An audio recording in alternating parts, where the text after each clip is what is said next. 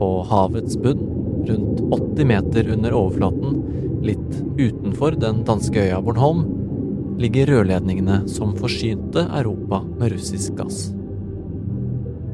Over ledningene svømmer kanskje typisk østersjøfisk som torsk, sjøørret og laks. Men også kanskje noen dykkere.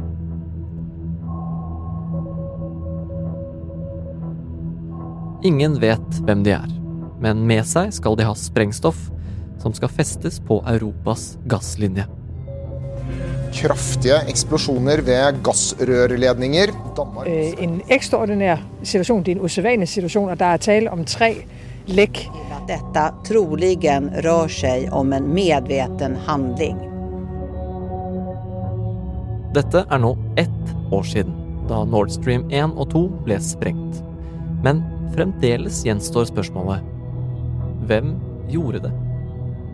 Nå kan etterforskningen begynne å nærme seg en konklusjon. Du hører på Forklart fra Aftenposten. I dag om hva etterforskningene om en av krigens mest dramatiske hendelser viser. Det er sagt av enkelte kilder at det er den viktigste etterforskninga siden andre verdenskrig. Det er torsdag 28.9, og jeg heter David Bekoni. For et år siden så ble to gassledninger sprengt midt ute i Østersjøen mellom Sverige, Danmark og Tyskland. Og det var ledningene som forsynte Europa med gass fra Russland. Fremdeles så det er ingen som veit hvem som står bak, men det blir jobba med flere teorier, og vi kommer nærmere og nærmere et mulig svar. Rakel Haugenstrand er europakorrespondent. Og bare sånn for å friske opp minnet litt, så bør vi kanskje gå litt gjennom hva som egentlig skjedde for ett år siden. Midt på natta mandag 26.9. i fjor så ble det registrert en eksplosjon under vann utenfor den danske øya Bornholm. Etter hvert så kom det flere eksplosjoner. Og det begynte å dukke opp bilder av boblende sjø, eh, hvor det lakk metangass ut av gassrørledningene som hadde blitt ødelagt dypt nede på havets bunn den helt enorme ledningen som frakta gass fra Russland til Europa, var helt avgjørende for å forsyne Europa med rimelig gass fra Russland. Og ledningene som ble ødelagt, det var Nord Stream 1 og deler av Nord Stream 2. Det tok ikke lang tid før det begynte å dukke opp pekefingre. USA fikk skylden av Russland. Det var særlig ett klipp som gikk igjen i russisk propaganda som et slags bevis.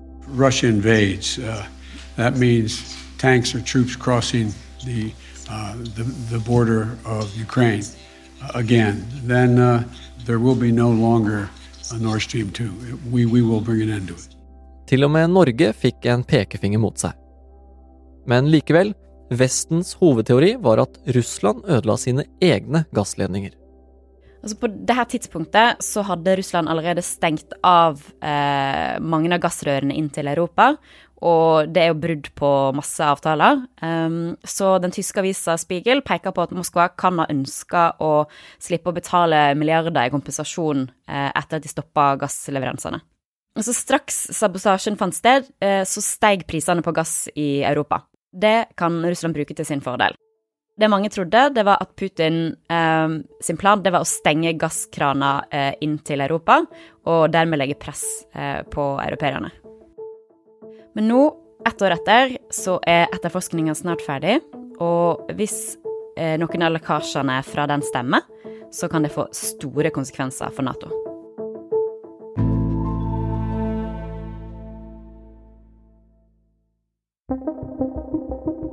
Siden eksplosjonene for et år siden har flere land etterforsket hvem som kan stå bak. Både Sverige, Danmark og Tyskland har gjort separate undersøkelser, og etterforskningene pågår fortsatt. Så langt har de holdt kortene tett til brystet, men det er noen ting vi vet. De tre landene Sverige, Danmark og Tyskland skrev i juli et felles brev til FNs sikkerhetsråd, og der kommer det fram en del om det, det som de har funnet ut så langt. Det er brukt sprengstoff for å utføre sabotasjen. Og ifølge eksperter så kan erfarne dykkere ha festa sprengstoffet til rørledningene, altså helt nede på 70-80 meters dybde.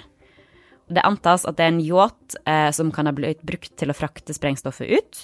Yachtens rute er ikke fastsatt, og personen som leide yachten, brukte falske papir. Men det er usikkert om den personen var, faktisk var om bord i båten.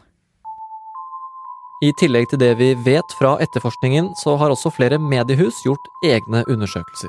I vår publiserte tyske aviser lekkasjer fra den tyske etterforskningen. Heute Abend kam die Meldung rein, dass es neue Hinweise gibt zur Explosion der Nord Stream Pipeline letztes Jahr im September. Wie konnten von hier aus die Täter der Sprengstoffanschläge auf die Nord Stream Pipelines starten?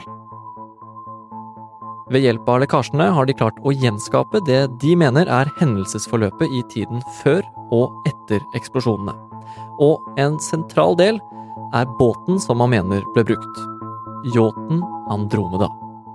Altså, Den tyske avisa Spiegel leide faktisk Andromeda etter at uh, tyske etterforskere var ferdig med den. Um, og ifølge deg så er båten en veldig sliten seilbåt.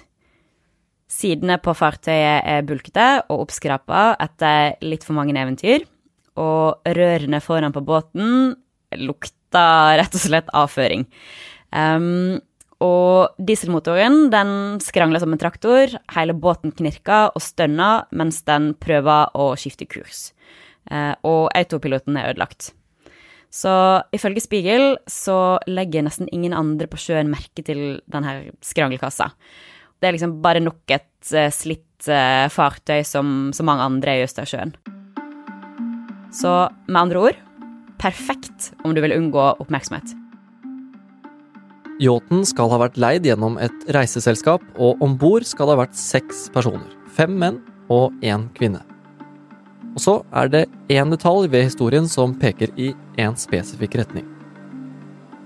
Nasjonaliteten til en av eierne av reiseselskapet. Så Reiseselskapet som de skal ha leid båten fra, er polsk, eh, men en av kvinnene som står bak dette reiseselskapet, er russisk. Eh, og det viser en gransking fra tyske RTL og NTV. Og Diana B er bosatt på Krim og deltok i den ulovlige fabrikkerte folkeavstemninga på Krim i 2014. Og hun har russisk pass og flytta til Krim i 2001.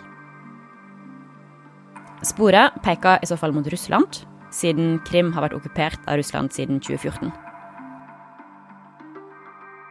Men i august kom den tyske TV-kanalen ZDF og Spiegel med en ny vending i saken som peker i en helt annen retning.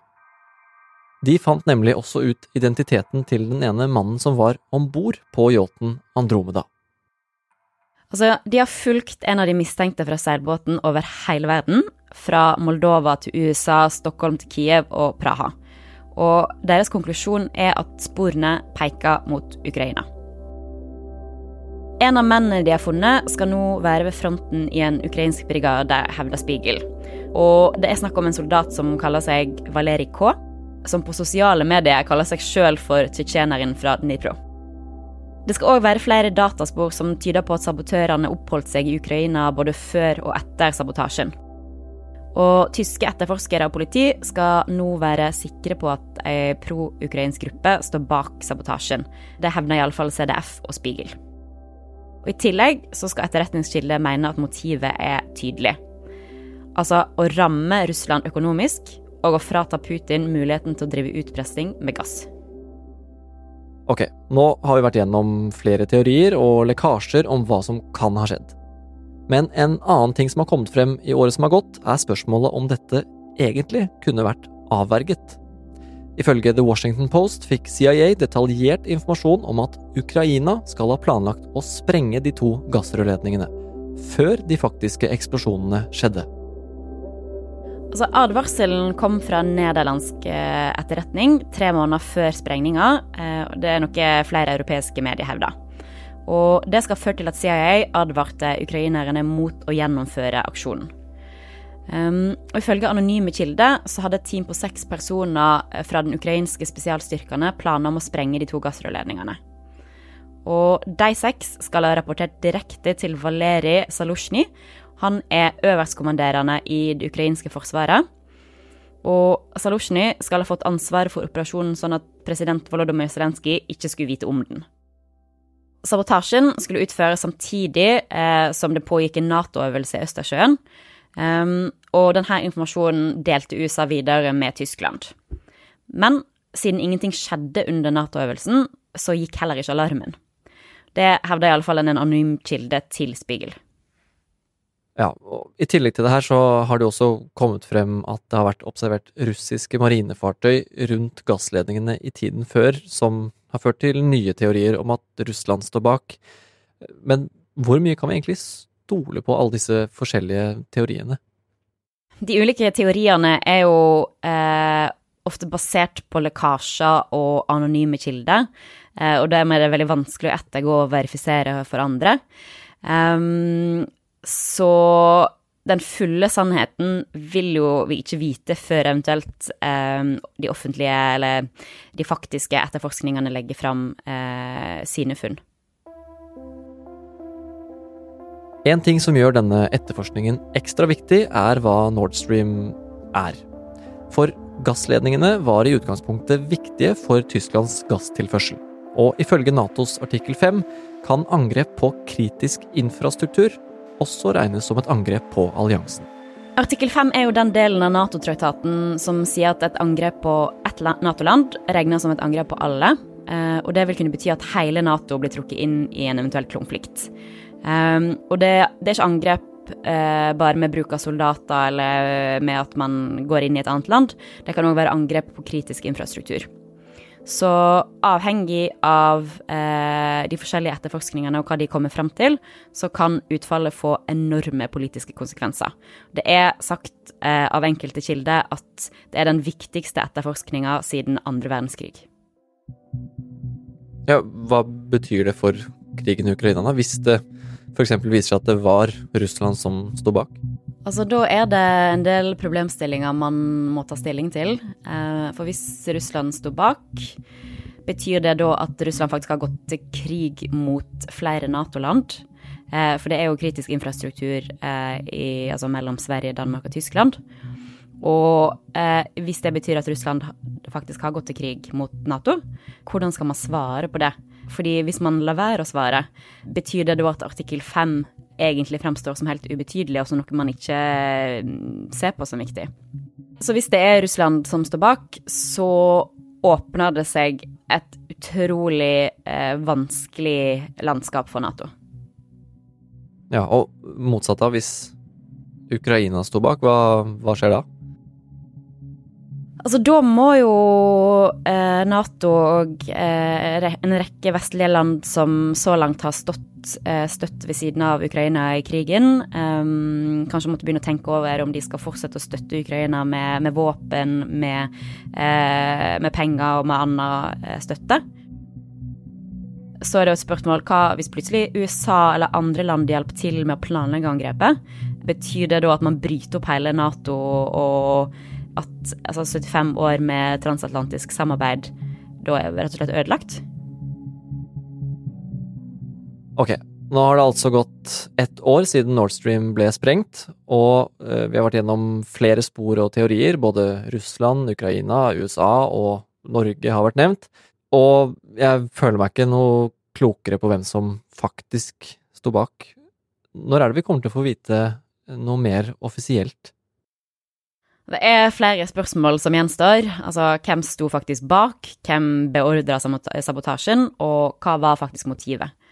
Um, lederen av den svenske etterforskninga stilte i et intervju i Sveriges Radio og sa at et av hovedsporene de hele tida jobber med, har vært at en statlig aktør står bak. Jeg skulle vilja si at når det gjelder um, den frågan så tycker jeg snarest at den den hypotesen har, har stärkts eh, under resans gång. Men varför jag kan påstå det, det kan jag for nærværende ikke si noe om. for det er en del av den Men han vil ikke si noe om bakgrunnen for hvorfor han mener det.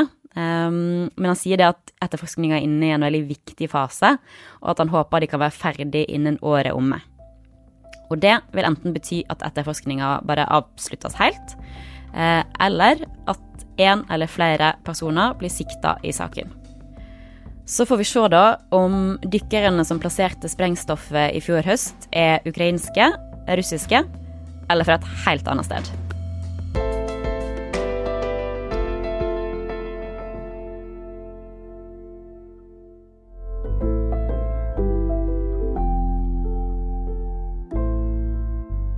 Du har hørt en podkast fra Aftenposten.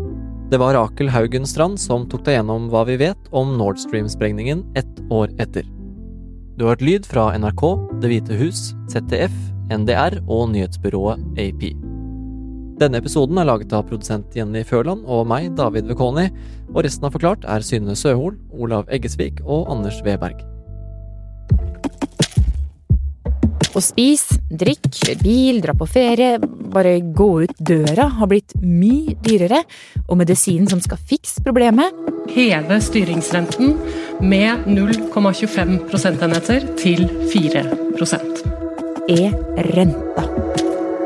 Men når renta stiger, så blir jo boliglånet sykt dyrt òg. Må det være sånn? I podkasten Dypdykk undersøker vi de store spørsmålene om tida vi lever i, og prøver å gi deg svarene du ikke bare kan google deg fram til. Du finner den hos Aftenposten eller Podmy.